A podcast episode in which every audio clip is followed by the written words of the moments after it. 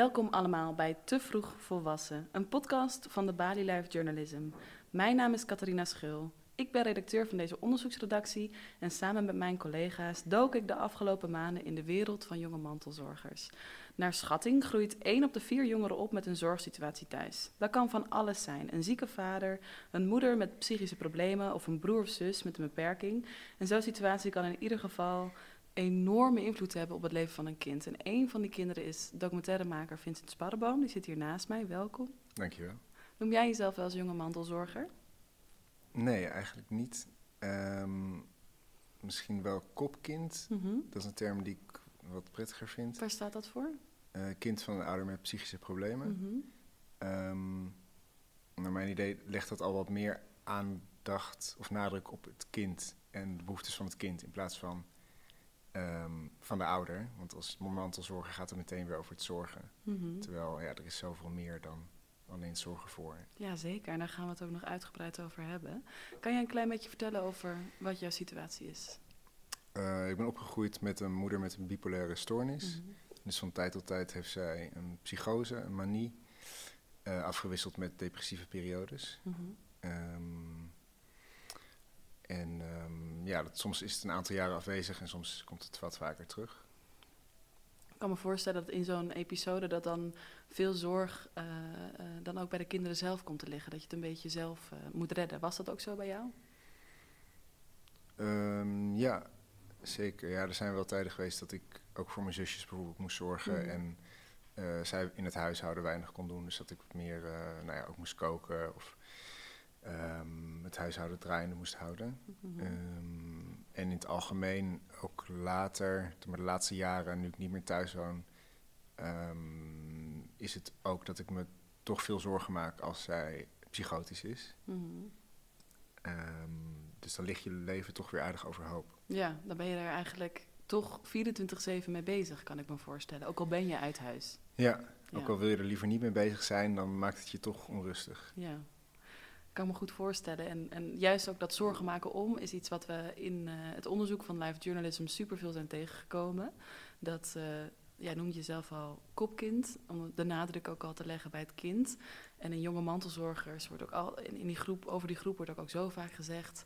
Het is echt niet alleen maar zorg dragen als eh, even boodschappen doen of mee naar de dokter. Het is ook zo vaak je bezorgd zijn, bezorgd zijn, zorgen maken over.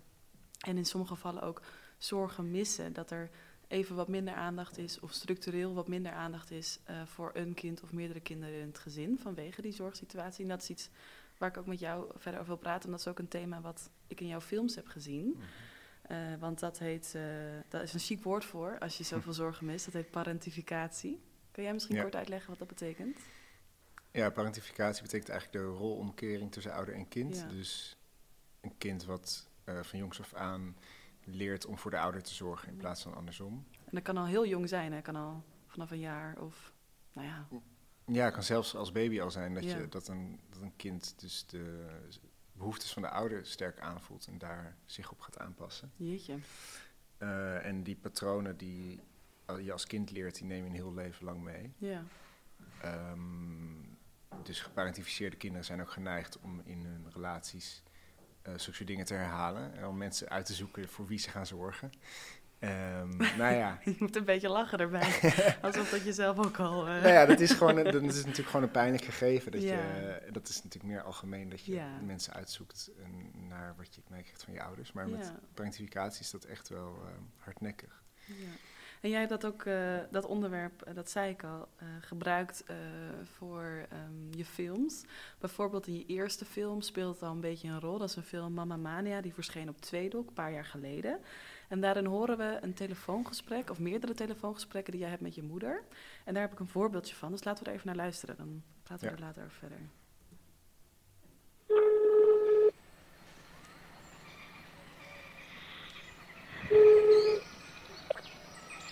Met Karin. Hey mam, naar mij. Hallo. Hey. Hoe gaat ie? Nou, het gaat wel. Ja? Eh, ik heb eh nog een boel losgekregen bij de psych. Oh ja.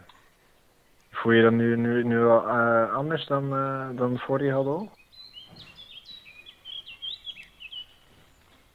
Ja, dat helpt wel. Dat helpt wel. Ja. Wat rustiger of zo. Ja, gewoon om ook zeker te zijn. En ja, ik ben zeker rustiger. ehm, ik hou me wel rustig, ja. Hm. Ja.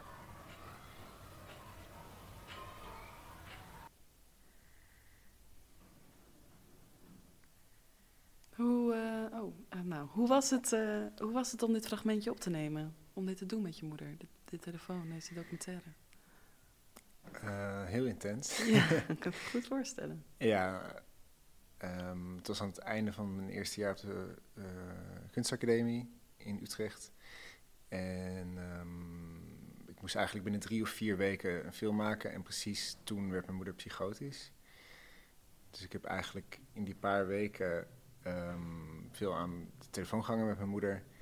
En toen op een gegeven moment bedacht van, hé, hey, dit, is, dit is perfect om, om een film van te maken. Dus ik ben die gesprekken gaan opnemen. Eh, met haar toestemming natuurlijk. En, ehm, en daar heb ik deze film van kunnen maken. Ja, het gaf me wel ook een gevoel van controle over de situatie. Doordat ik er dan mijn eigen vorm aan kon geven in een film. Ja, dat je er ook een, eh, eigenlijk, eigenlijk iets zelf ook nog uithaalt wellicht. Ja. Tegelijkertijd moest ik natuurlijk eh, ook wel heel veel meekrijgen en er dicht op zitten om die film te kunnen maken.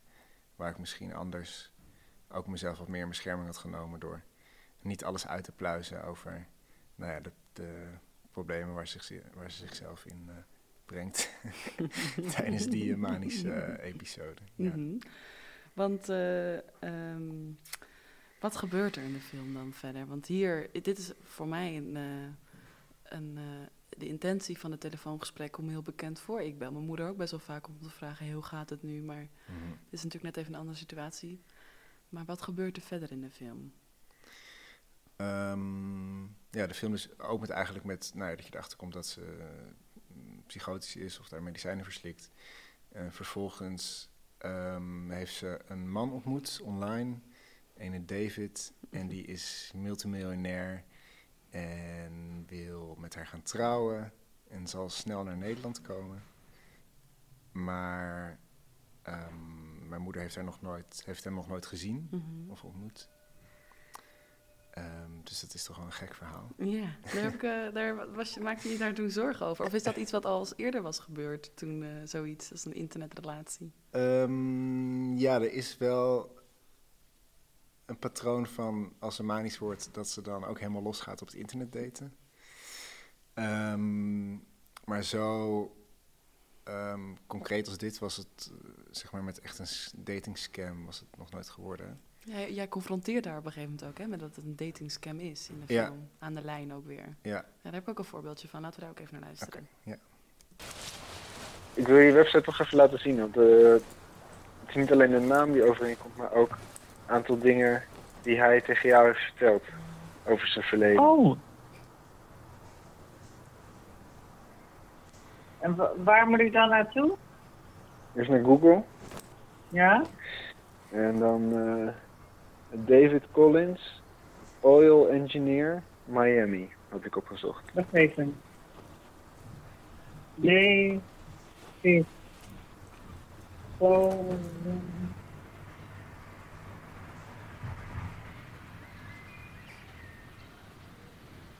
Ja, en dan de vierde. En dan krijg je allemaal verhalen van mensen die het slachtoffer zijn van een datingscam. Van iemand Ja. die zegt dat hij op een oil rig werkt, op een olieplatform. Zie je het? Ja. Ah. My queen. Queen. Zegt hij tegen mij ook. Ja. Ja. Nee, maar toch niet. Ja, ja, ja. ja. Hij zou wit, wit, wit willen wassen via mij. Denk je? Er zijn rare mensen op de wereld. Geld, geld, geld, geld, geld. Lekker belangrijk. Maar ja, ik dacht, dan ben ik wel van mijn school afwisselen. Dat zou een mooie oplossing zijn. Nou, eh, aan het nippertje ontsnapt eh, wellicht. Maar Ja. eh, hoe, hoe vind je het om zoiets te moeten doen? Om, eh, om haar dan te bellen en even op die feiten te wijzen? Ja, het is heel absurd natuurlijk. Ehm, iedereen kan bedenken dat dit een datingscam is, dat je, dat je dit niet kan vertrouwen. Mhm. En mijn moeder is ook hartstikke intelligent, dus het is ook gek dat ze erin meegaat. Maar als ze manisch is, dan, ehm, ja, dan, maakt het, dan heeft ze het relativeringsvermogen niet. En dan wil ze gewoon zo graag dat het waar is. Ja, Het is natuurlijk best wel eenzaam om, eh, om met zo'n ziekte te leven. Dus dan, als er dan iemand, nou ja, eh, naar je toe wil komen, met je wil trouwen en eh, ook nog eens miljonair is. waarom, waarom niet? waarom niet? ja. Je kan er ook wel om lachen, denk ik dan. ja, het is natuurlijk ook eh, fantastisch. Het, ja, het, is, het is een bizar verhaal. Ja, Ja. ja wat een Dus het is heel dankbaar voor, voor een filmmaker. Ja. Maar ehm, ja, het is ook wel triest dat je dan je moeder dat moet gaan vertellen.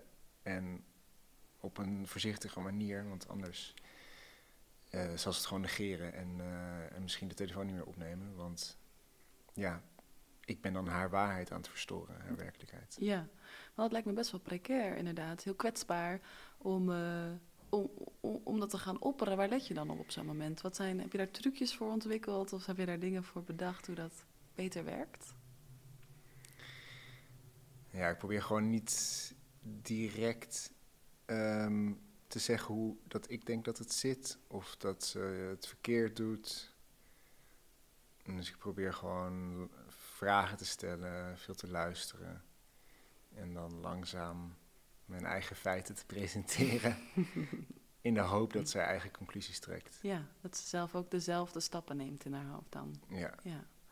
En hoe vond zij het zelf om, eh, om deze film eh, ook weer terug te zien dan? Om, eh, om, ik weet niet op welk moment dat was of dat gebeurt. Dat is Mhm. neem ik aan wel gebeurd. Ja, ja, zeker. En hoe was Ja. dat dan voor haar om dat te zien?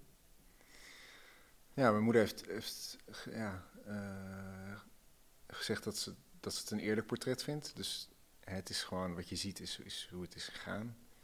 Ehm, en ze voelt zich ook wel de ster van de film. Dus, is ze ook wel. ja. Ehm, dus in die zin ehm, ehm, ja, is ze er ook heel blij mee dat, ze- dat ze ook door de film eh, die aandacht krijgt. En, eh, en ze heeft ook bijvoorbeeld bij Q&A's wel ook haar verhaal kunnen vertellen over dat ze zich niet schaamt voor de ziekte, maar gewoon ehm, ja, er open over is. En, ehm, ehm, ja, en het wil laten zien. Ehm, Je portretteert haar ook helemaal niet op een, ehm, ja, hoe zou ik het noemen? Helemaal niet op een negatieve manier. Of op helemaal niet op een manier dat het, ehm, dat ik haar, nou ja, dat je haar stom of dom zou moeten vinden. Daar heb je niet denk ik heel bewust voor gekozen. Mhm. Ja, de film is denk ik ook. Ik wou, ik wou niet een dramatisch verhaal vertellen. Dus het is heel sec. Het is heel droogjes voor iets best wel eh, heftigs. Ehm, en daar heb ik inderdaad bewust voor gekozen. Ehm, ik denk, eh, ja, als, eh, als je met kop- of parentificatieervaring hebt of zo opgroeit, dan ben je wel gewend aan wat eh, bizarre dingen. en op een gegeven moment wordt dat gewoon, ook al is dat voor de buitenwereld misschien heel bizar. En je leert je daaraan aan te passen. Ja. Ja, dat zal, dat zal zeker. En dat hoor je ook veel in onderzoeken. Dat kinderen eh, die eh, opgroeien, kinderen van ouders met psychische problemen, ook best wel vaak heel veel veerkracht in zich hebben eigenlijk. Misschien wel eh, meer dan andere kinderen, maar inderdaad dat er ook dat heel vaak, als je het hebt over psychologische gevolgen van, ja, ik noem het dan even mantelzorg met jouw Mhm. instemming. dat het, het is eigenlijk een soort schaal. Dus je kan of je heel goed voelen dat je iets kan betekenen ook voor je ouder en Ja. dat je er kan zijn. En of dat nou een luisterend oor is, of een beetje sturen, of echt zorg. Maar dat het soms kan uitglijden naar, eh, naar dingen die wel eh, schadelijke patronen kunnen veroorzaken. Zoals wat we zeggen, die, die ronddraaiing van eh ouder-kindrelatie, Mhm. parentificatie. Ja. Of, of toch veel stress voelen, of jezelf toch iets te veel wegcijferen omdat je zoveel aan de ander denkt. Mhm. Dat moet herkenbaar zijn voor jou. Ja, Ja. zeker. Ja, ehm, ehm, ja, ik denk ook inderdaad dat mantelzorg of, of, of eh, ja, parentificatie. Zo even opnieuw hoor. Ja? Eh, ik denk ook inderdaad dat parentificatie een, een gezond onderdeel is van eigenlijk elke eh, opvoeding, tot op een zekere hoogte. Ja. Dus je, je leert ook eh, een keer te koken of een klusje te doen in, in het huishouden Ja, als deel van je opvoeding. Dat je ook wat verantwoordelijkheid krijgt. ja. Het is heel schadelijk als een kind ehm, niet die verantwoordelijkheid krijgt en een soort van alles gedaan wordt. Oh, nogmaals, die glijdende schaal. Precies. Ehm, maar het is ook inderdaad schadelijk als je, nou ja, ehm, gewoon zelf alle verantwoordelijkheid op je schouders moet nemen. En, ehm, en inderdaad grenzen vervagen. Dus je ook, ja. ehm, ik kom dat nu ook nog wel eens tegen dat ik, nou ja, moeite heb bijvoorbeeld om voor mijn eigen belang op te komen. Omdat ik zo gewend ben om wel even dat extra stapje te zetten voor een ander.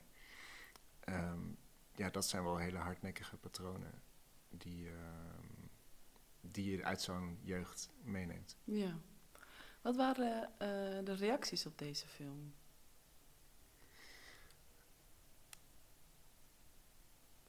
Dat is alweer even geleden. ja. Ehm, Nee, maar ik vraag ik las namelijk dat, eh, dat, want uit deze film is ook je tweede film gestroomd, toch? Ja. Hoe, hoe ging dat? Laat, vertel anders. Ja. Ehm, ja, de film is best goed ontvangen. Is door iets van 30 filmfestivals geselecteerd. Eh, Kijk eens aan. Op NPO uitgezonden. Ja. Ja, super tof. Ehm, dus best wel mensen herkennen zich in de film. eh, of nou ja, vonden het, vonden het mooi of, of, of boeiend om te zien. Ehm, een journalist, eh, Mariska Graveland van Filmkrant, die eh, schreef ook een stukje over de film. Ehm, en zij duidde ook mijn situatie met mijn moeder als parentificatie. En ik ehm, had tot dan toen nooit over dat woord gehoord. Dus ik wist ook eigenlijk niet wat er met mij aan de hand was. Nee. Dus dat was heel fijn om te horen. Ja, want wat, wat denk je dan op zo'n moment? Dan, want ik neem aan, je zoekt dat woord op en je denkt, oh, Ja, dan lees je opeens, oh, er zijn eh 500 nog wel duizend ehm, kopkinderen in Nederland. En dat is dan nog een hele conservatieve Ja. schatting. Maar ja, ehm, toen dacht ik, wauw, oké, er- er zijn zoveel meer mensen die met iets vergelijkbaars worstelen. Ehm, en ook al die dingen waar ik last van heb, zoals moeite met grenzen stellen of eh, groot verantwoordelijkheidsgevoel, eh, die komen ergens vandaan. Zeg maar, die zijn logisch te linken. En ehm,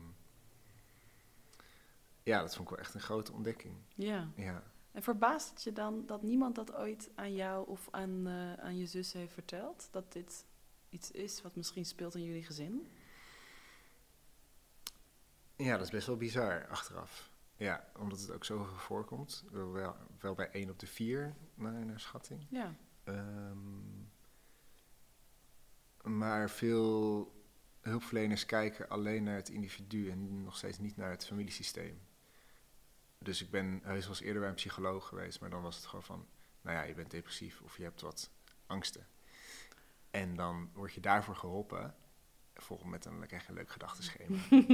dan kan je jezelf een beetje fixen. ja. Maar, een paar uur later. ja, Opge- probleem opgelost. Precies. En misschien wordt er wel gevraagd naar van, nou ja, wie is je vader, wie is je moeder, maar niet echt de diepte in. En eh, die verbanden zijn zo duidelijk. Ehm, ik denk wel dat het, dat het bewustzijn steeds meer komt. Dus steeds meer hulpverleners die kijken daar wel naar gelukkig. Van wie had jij het willen horen? Dat dit speelt? Dat, dit, dat, hè, dat wat jouw gevoel al een beetje was, een naam heeft? Ja, ik denk het liefst al tijdens de middelbare school. Dat waren toch wel hele verwarrende jaren. Dat bijvoorbeeld een mentor of een, docent die, eh, als, die, die wisten ook wel ongeveer wat er thuis speelde, maar er werd dan eigenlijk niks mee gedaan. Ehm, dus, dus ja, als je daar al meer hulp kunt krijgen, kan je denk ik wel veel voorkomen. En ook, ook gewoon ja, psychologen, huisartsen. Dat die ook eh, eh, eigenlijk een soort check doen of zo. Van even kijken, wat is de thuissituatie Ja, hoe gaat geweest? het nou thuis? Ja. Je zou denken dat het al gebeurt, maar jij zegt dus van niet.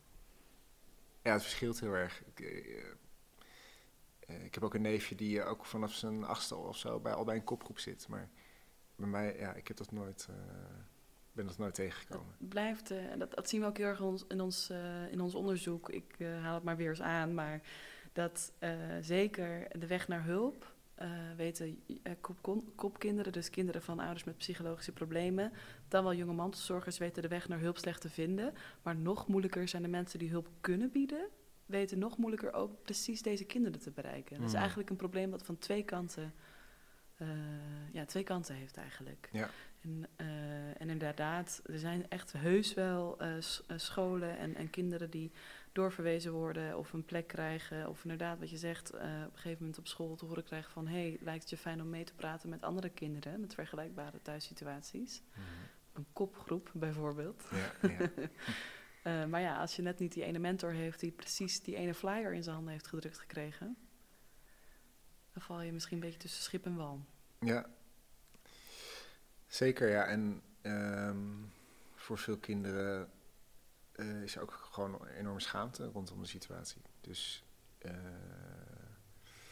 als je al beseft dat het niet normaal is wat er thuis gebeurt, om je daarover uit te spreken is echt eh, een enorme drempel. En ehm, elk kind is, is van nature loyaal aan zijn ouders. Dus die zal eerder de schuld bij zichzelf zoeken. Van nou misschien ben ik gewoon raar, misschien ehm, ja, is met mij iets aan de hand dat ik me niet helemaal goed voel. Ehm, in plaats van dat er misschien thuis iets mis is. Had je dat zelf ook een beetje, de schaamte in het begin?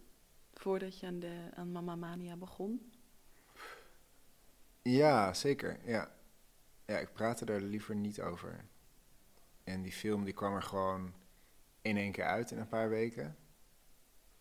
En ehm, toen had ik wel een probleem. Toen had ik iets gemaakt wat, wat ik ook moest laten zien. Ja, Nou ja, wat ik graag wilde laten zien. Maar wel spannend. het was heel erg spannend. Ja. Heeft het iets veranderd aan de, aan de band tussen jou en je moeder? Of aan de manier waarop je zel- jezelf ziet? Of jullie, jullie relatie ziet? Ehm, nou ja, die schaamte is eigenlijk verdwenen. Dus dat is, dat is heel erg fijn. Dus ik kan daar gewoon over praten met mensen. En dat brengt mezelf al heel veel rust. Mhm. Ehm, met mijn moeder kan ik er nu ook beter over praten. Vooral na mijn tweede film eigenlijk. Ehm, en ehm, ja, Eigenlijk zou elke, elke jongere zo'n film moeten maken. ja, of in ieder geval over, over zijn, zijn erva- ervaringen praten. ja. Ja. Want je tweede film, daar wilde ik eigenlijk inderdaad ook een beetje heen. eh, At the Feet of My Mother. Mhm. Is een film waarin je nog veel explicieter eh, die rolomdraaiing onderzoekt. Ja. Want wat gebeurt er in die film? Vertel. Ja, in de film eh, volg je Lucien ehm, en hij, gaat, hij doet een familieopstelling. Dat is een vorm van, vorm van alternatieve therapie. Ehm, en ehm, ja, daarin onderzoekt hij eigenlijk zijn jeugdtrauma van parentificatie. Dus hij heeft als kind ook voor zijn ouders gezorgd. En ehm, hij gaat eigenlijk met een groep wild, wildvreemde mensen ehm, die een afspreken, nou ja, een soort rollenspel doen. Ja. Dus iemand is zijn vader, iemand is zijn moeder. eh, iemand, eh, een aantal mensen vertegenwoordigen zijn zusjes. En eh, door dan een plek in de ruimte in te nemen en elkaar in de ogen te kijken, komen er allemaal gevoelens en associaties naar boven die passen bij de echte familierelaties die hij heeft. Ehm, en zo kan, kan hij langzaam zijn verdriet en zijn woede naar boven laten komen en, ehm, en verwerken. Dat is heel intensief, denk ik. Het, is, eh, het heet een familieopstelling. Ja, Je stelt in feite dus plek, mensen in een, een ruimte, in een plek om je heen... om, om te kijken wat, hoe, wat jouw relatie is met diegene in de, in de familie, in Ja. het gezin. Precies dus die gezinsbrede aanpak eh, die jij soms hebt gemist. Precies, Ja. ja. ja. dus het gaat er niet zozeer om of wat er in jouw brein of, of, of lichaam gebeurt, maar echt in relatie tot je familieleden en met name je ouders. En ehm, ja, in de film zit ik gewoon met de camera boven op Luciens gezicht terwijl hij dat allemaal doormaakt. Dus je ziet gewoon wat er naar boven komt en je maakt een soort emotionele reis ehm, mee ehm, ja, door, zijn, eh, door die therapie. Ehm, Misschien een kleine spoiler, maar kan je een beetje verklappen wat zijn reis is? Wat er gebeurt in die, eh, in die film?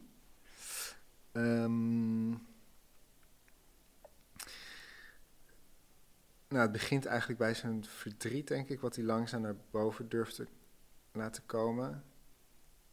eerst ook wel met een paar aarzelingen van dat hij zijn ouders niet wil kwetsen. Dus dat is ook echt typisch jonge mantelzorgers of identificatie. Ja, eigenlijk een soort checklist kunnen we erbij houden. Ja, het is echt. eh, hij kijkt dan ook eventjes naar boven, zo. Zijn ouders zijn overleden. Van, nou ja, hè, ik wil wel mijn respect betuigen, maar ik wil ook een aantal dingen zeggen die hun misschien zouden kunnen kwetsen, maar die voor mij belangrijk zijn. Ehm, nou ja, na dat verdriet komt hij bij zijn woede voor, naar zijn vader toe. Die ehm, ehm, ja, ook veel woede-uitbarstingen had. En eh, nou ja, waar hij nog eh, een appeltje mee te schillen heeft. Mhm. Dus op een gegeven moment kan hij meer bij die woede komen. En dan, en dan moedigt de therapeut hem ook aan om, om daar stem aan te geven. Dus om dat echt te uiten. En dat doet hij op een gegeven moment in een hele krachtige schreeuw. Ehm, nou, die gaat echt door merg en been. Ja, hoe was dat om daarbij te zijn met camera en al? Ja, ik stond daar op, op eh, een metertje vanaf, of, of misschien twee. Dus dat was echt eh, heel intens. Ik, zo, ja, ik zat ook echt eh, te huilen achter de camera. Dus het was echt.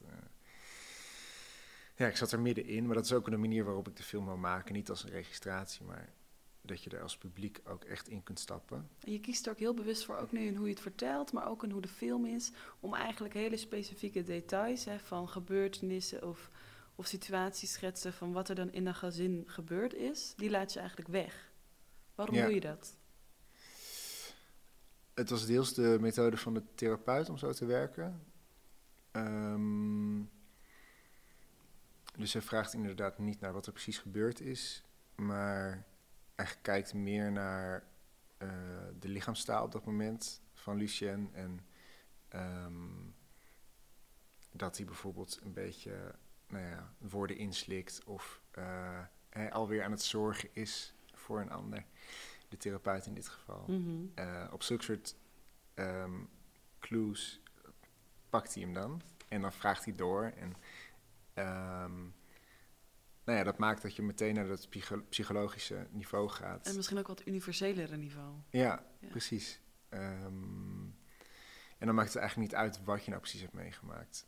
Ehm, die dyn- dynamiek van die rolomkering, die, die is hetzelfde. Ja, Ja. ik denk dat ook, en wat je zegt, hè, iedereen kan zich tot op een bepaalde hoogte waarschijnlijk wel enigszins in dingen herkennen.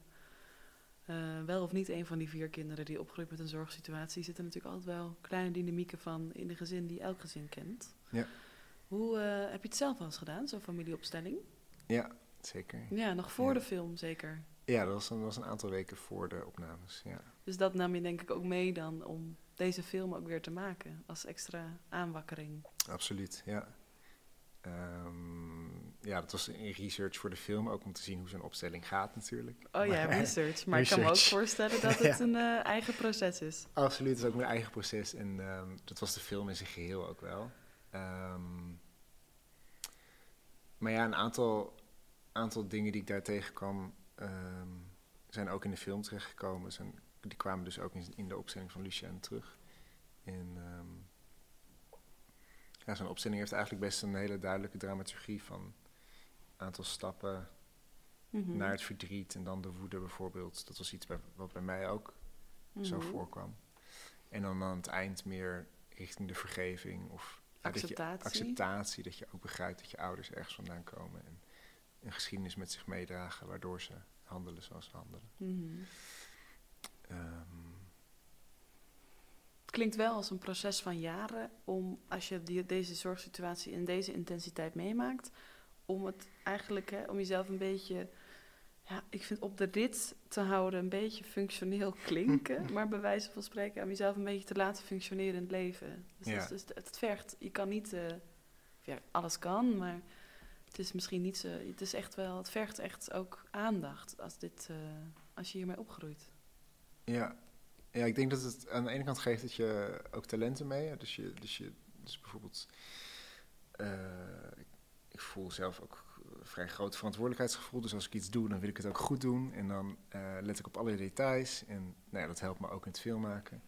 Maar aan de andere kant heb ik me jarenlang heel erg geschaamd voor mijn situatie en voor mezelf. En ehm, duurde het inderdaad een tijd voordat ik een soort van mijn stem durfde te laten horen. Dus ehm, ja, da- dat kost dan best wel wat werk, ja. Ehm, waar dat voor andere mensen misschien heel normaal is om de aandacht op zichzelf te vestigen, eh, is dat denk ik voor mantelzorgers eh, een stuk lastiger. Wat zou je willen meegeven aan eh, jonge mantelzorgers die nu luisteren? Of mensen die iemand, in de omgeving hebben die, waarvan die, die denken van... Goh, die zit ook thuis met iemand die best wel ziek is of psychische problemen heeft. Wat is denk je een belangrijke eerste stap? Ja, weet dat je niet alleen bent. dat er veel meer mensen zijn in een vergelijkbare situatie. Ehm, zoek hulp als je daar behoefte aan hebt. Ehm, ja, ik kan een familieopstelling heel erg aanraden. Even reclame maken. ja, een familieopstelling of in ieder geval eh, At the Feet of My Mother eh, dan kijken. Dankjewel Vincent, heel Ja. erg bedankt. Dankjewel. voor je verhaal. Want de film Mama Mania is nog altijd te zien op NPO Plus. En At the Feet of My Mother toert nu nog langs verschillende filmfestivals. En is hopelijk, wie weet, binnenkort ergens vertoond. En het onderzoek van de Bali Life Journalism naar mantelzorgers is bijna afgerond. En onze conclusies brengen we naar het toneel. Want theatermaker Max Wind maakte de voorstelling Merci dat jij er bent op basis van de verhalen die wij verzamelden. En deze voorstelling is 7 juni 2022 te zien in de Bali, 8 juni in Theater de Lieve Vrouw in Amersfoort en 22 juni in Cultura in Ede. En wil je er meer over weten, bezoek dan onze website debali.nl la, eh, slash livejournalism. En ik dank jullie heel erg voor het luisteren en tot de volgende keer.